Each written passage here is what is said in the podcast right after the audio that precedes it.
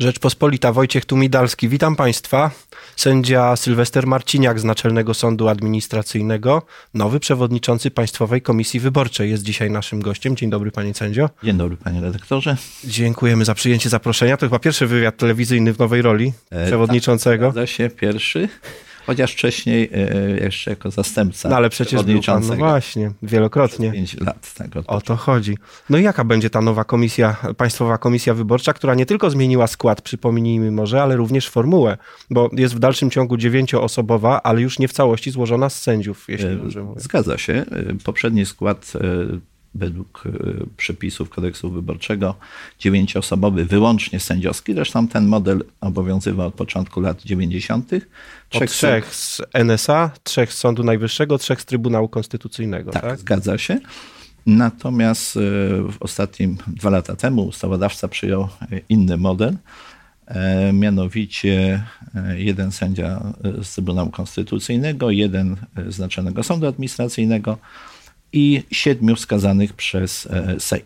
Mhm. No, przez partie polityczne, bądźmy szczerzy. Tak, ten model, można powiedzieć, e, trochę realizuje mm, rekomendacje Komisji Weneckiej z 2002 roku, albowiem wówczas e, kodeks dobrych praktyk wyborczych określono, że w składzie Centralnej Komisji Wyborczej, która powinna być ciałem stałym, powinien być przynajmniej jeden przedstawiciel sądownictwa i przedstawiciele partii politycznych reprezentowanych w danym e, parlamencie. Czyli tutaj wyszliśmy naprzeciw Komisji Weneckiej. E, tak, w tym zakresie tak, chociaż oczywiście przez ten okres pięciu lat e, skład sędziowski e, nabrał takiego doświadczenia i żyliśmy się chociażby przez to, że, że cały czas mm, jest to ciało jednak e, stałe.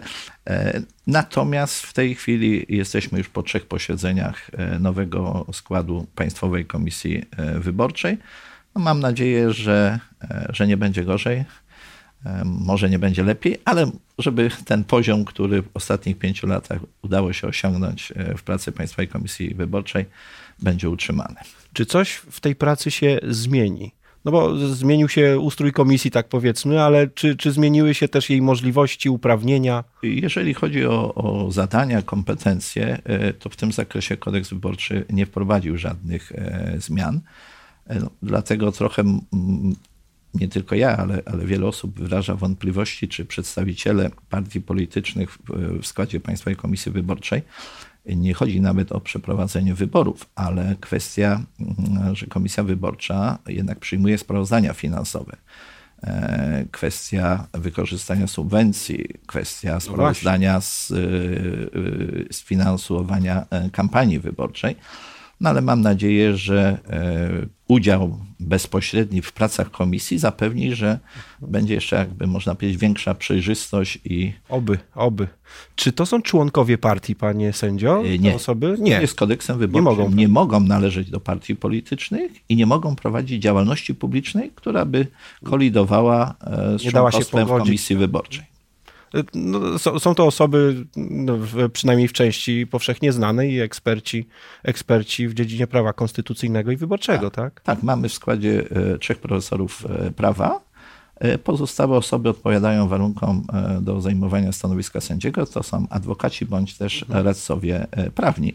Ale doświadczeni praktycy, tyle co się zorientowałem po trzech posiedzeniach Państwowej Komisji Wyborczej w nowym składzie. No i teraz co? Dyżury, rozumiem, w czas wyborów, no bo do tego to wszystko zmierza. Nawiasem mówiąc, dzisiaj właśnie upływa 80. dzień do dnia wyborów, do dnia mhm. otwarcia lokali wyborczych.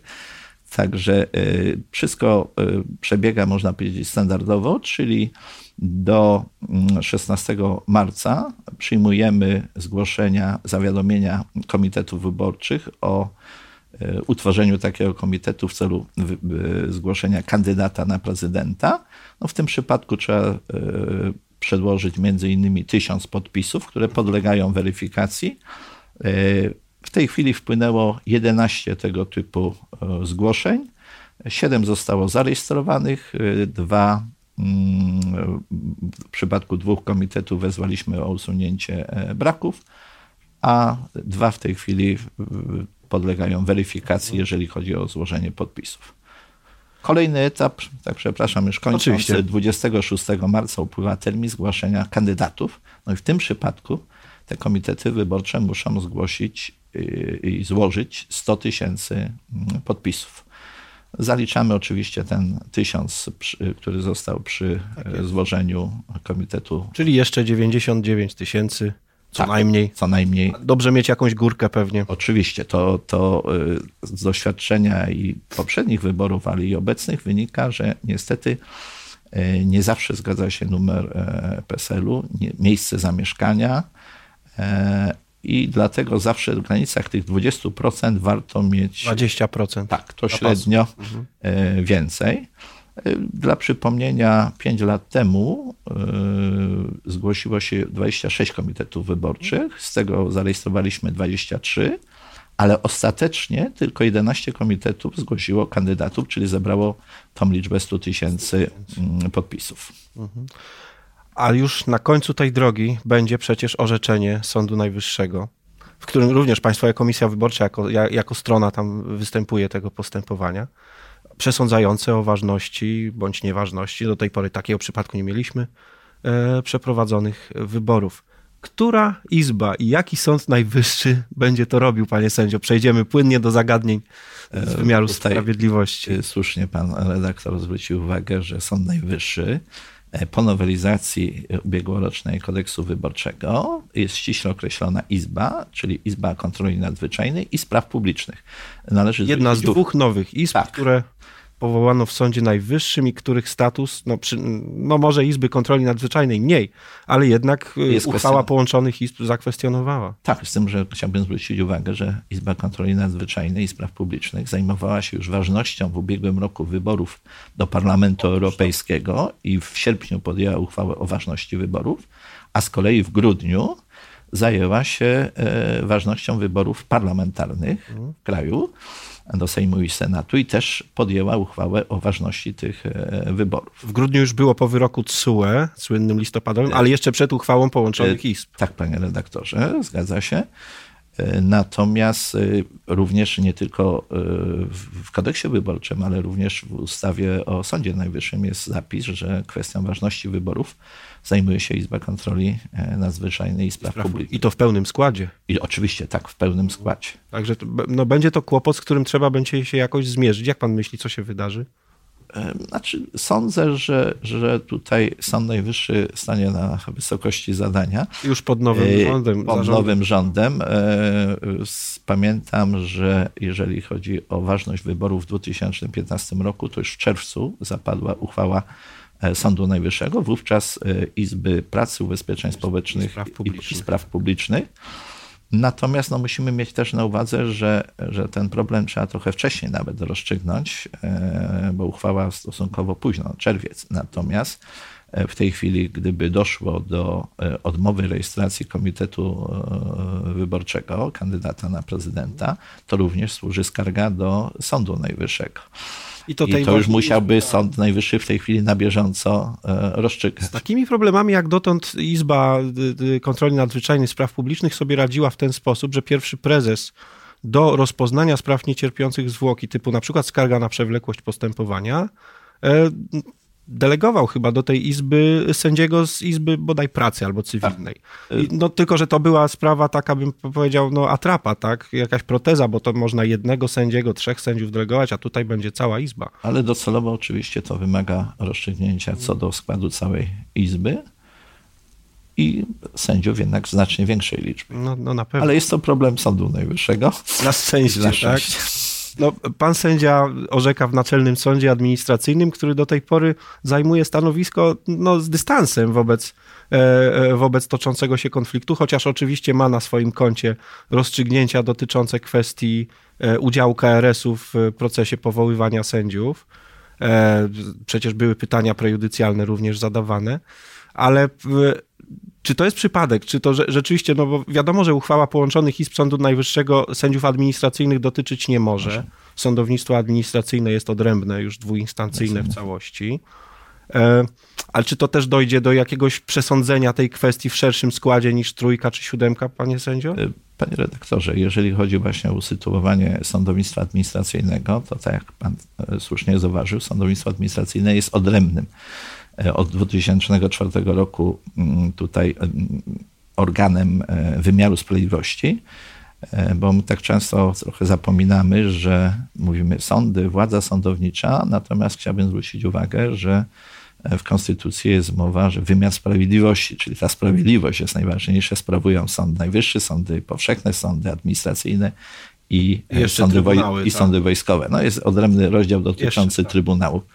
Natomiast e, specyfika jednak e, sądu administracyjnego, Naczelnego Sądu Administracyjnego jest taka, że my sprawujemy kontrolę działalności administracji publicznej. No właśnie. I jesteśmy jakby sądem prawa publicznego, no i nie możemy tak wyraźnie e, przed e, sprawą, która trafi wcześniej czy później do Naczelnego Sądu Administracyjnego, wypowiadać się w tym zakresie, bo, bo od razu by się pojawił zarzut braku bez, bezstronności no i, i niezawisłości.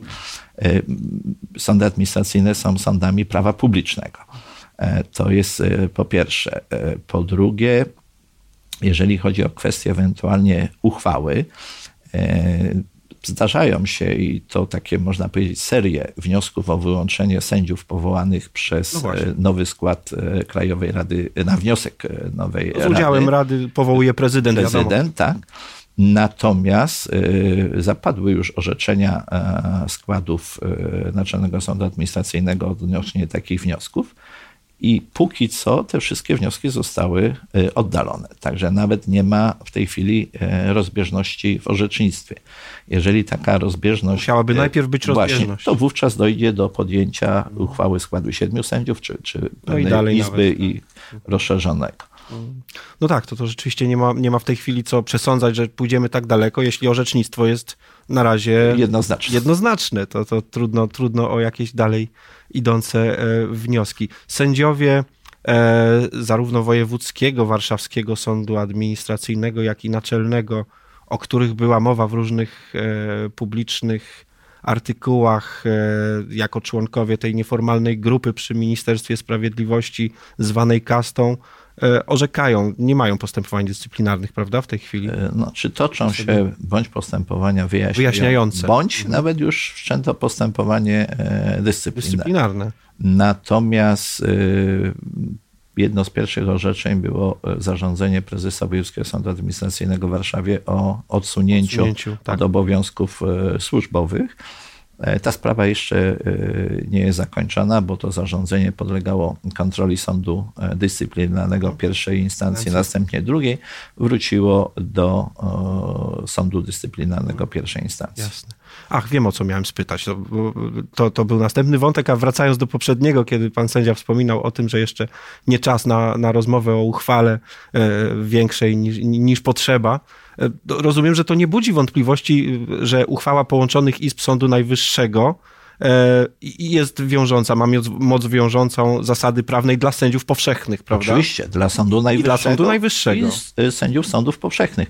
Mhm. Bo, bo proszę zwrócić uwagę, że w treści sentencji jest odwołanie tylko do przepisów kodeksu postępowania mhm. cywilnego i kodeksu postępowania karnego. Mhm. mhm. Natomiast y, od 2004 roku, kiedy nie ma już możliwości nawet złożenia podania o rewizję nadzwyczajną, kiedyś taka instytucja no tak. istniała i rozpatrywał y, Sąd Najwyższy, w tej chwili e, odrębna, niezależna władza mm, dotycząca właśnie wymiaru sprawiedliwości to jest sądownictwo administracyjne. Nie mamy ani organizacyjnej, ani orzeczniczej tutaj więzi pod tym względem. Ale o sprawach przyszłych i niepewnych nie będziemy jeszcze dywagować.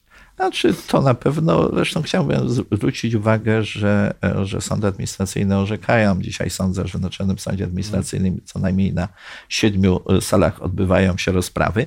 Oczywiście zainteresowanie e, mediów, polityków zawsze budzą te sprawy takie najbardziej e, sporne, tak jak pan redaktor mm. wspominał, e, list, kwestia list. Natomiast e, sprawy podatkowe i to No tak. znaczącej wartości, sprawy dotyczące inwestycji. Pan jest podatkowcem, prawda, E, panie Tak, sędzio? Mm. orzekam w Wydziale VAT-owskim. E, Także trzeba przyznać, że my od początku, od e, chwili wejścia mm, w życie e, e, ustawy VAT-owskiej w 2004 roku, wejścia naszego Mhm. kraju do Unii Europejskiej, stosowaliśmy orzecznictwo Trybunału No Sprawiedliwości właśnie. i jak również stosowaliśmy wcześniej dyrektywę e, numer 6, a teraz e, 112 e, Unii Europejskiej. Trudno by się było bez tego obyć. E, To jest nawet niemożliwe, dlatego że podatek VAT stanowi też e, dochód budżetu Unii Europejskiej. I zawsze był problem, że to nie tylko luka e, VAT-owska w, w Polsce, ale w, w, w krajach Unii Europejskiej. Wczoraj No słyszałem, że to jest kwestia 150 miliardów euro, które Unia traci na skutek e, karuzel podatkowych. No to już z tego, co nam wiadomo, to Polska w dużo mniejszym stopniu się do tego przyczynia, Tak, ale to też pewnie zasługa sądu, można powiedzieć, który na końcu ocenia, jak było z tym odzyskiwaniem podatków. Zgadza się. Będę skromny, ale to też jest na pewno ten ostatni etap. E, Oczywiście organy podatkowe, mm, kwestia e, decyzji, odwołania, skargi do Wojewódzkiego Sądu Administracyjnego, ale e, również w zakresie e, VAT-u przecież e, do roku 2015 e, Naczelny Sąd Administracyjny zwrócił się w granicach 70 pytań prejudycjalnych do Trybunału Sprawiedliwości. O tym się zapomina. To wówczas było gdzieś 80% w ogóle wszystkich pytań prejudycjalnych. Ogromny dorobek. Bardzo dziękuję za to spotkanie. Naszym gościem był dzisiaj sędzia Sylwester Marciniak, przewodniczący Naczelnej y, Państwowej Komisji Wyborczej, sędzia NSA. Wojciech Tumidalski. Dziękuję. Dziękuję również panu redaktorowi.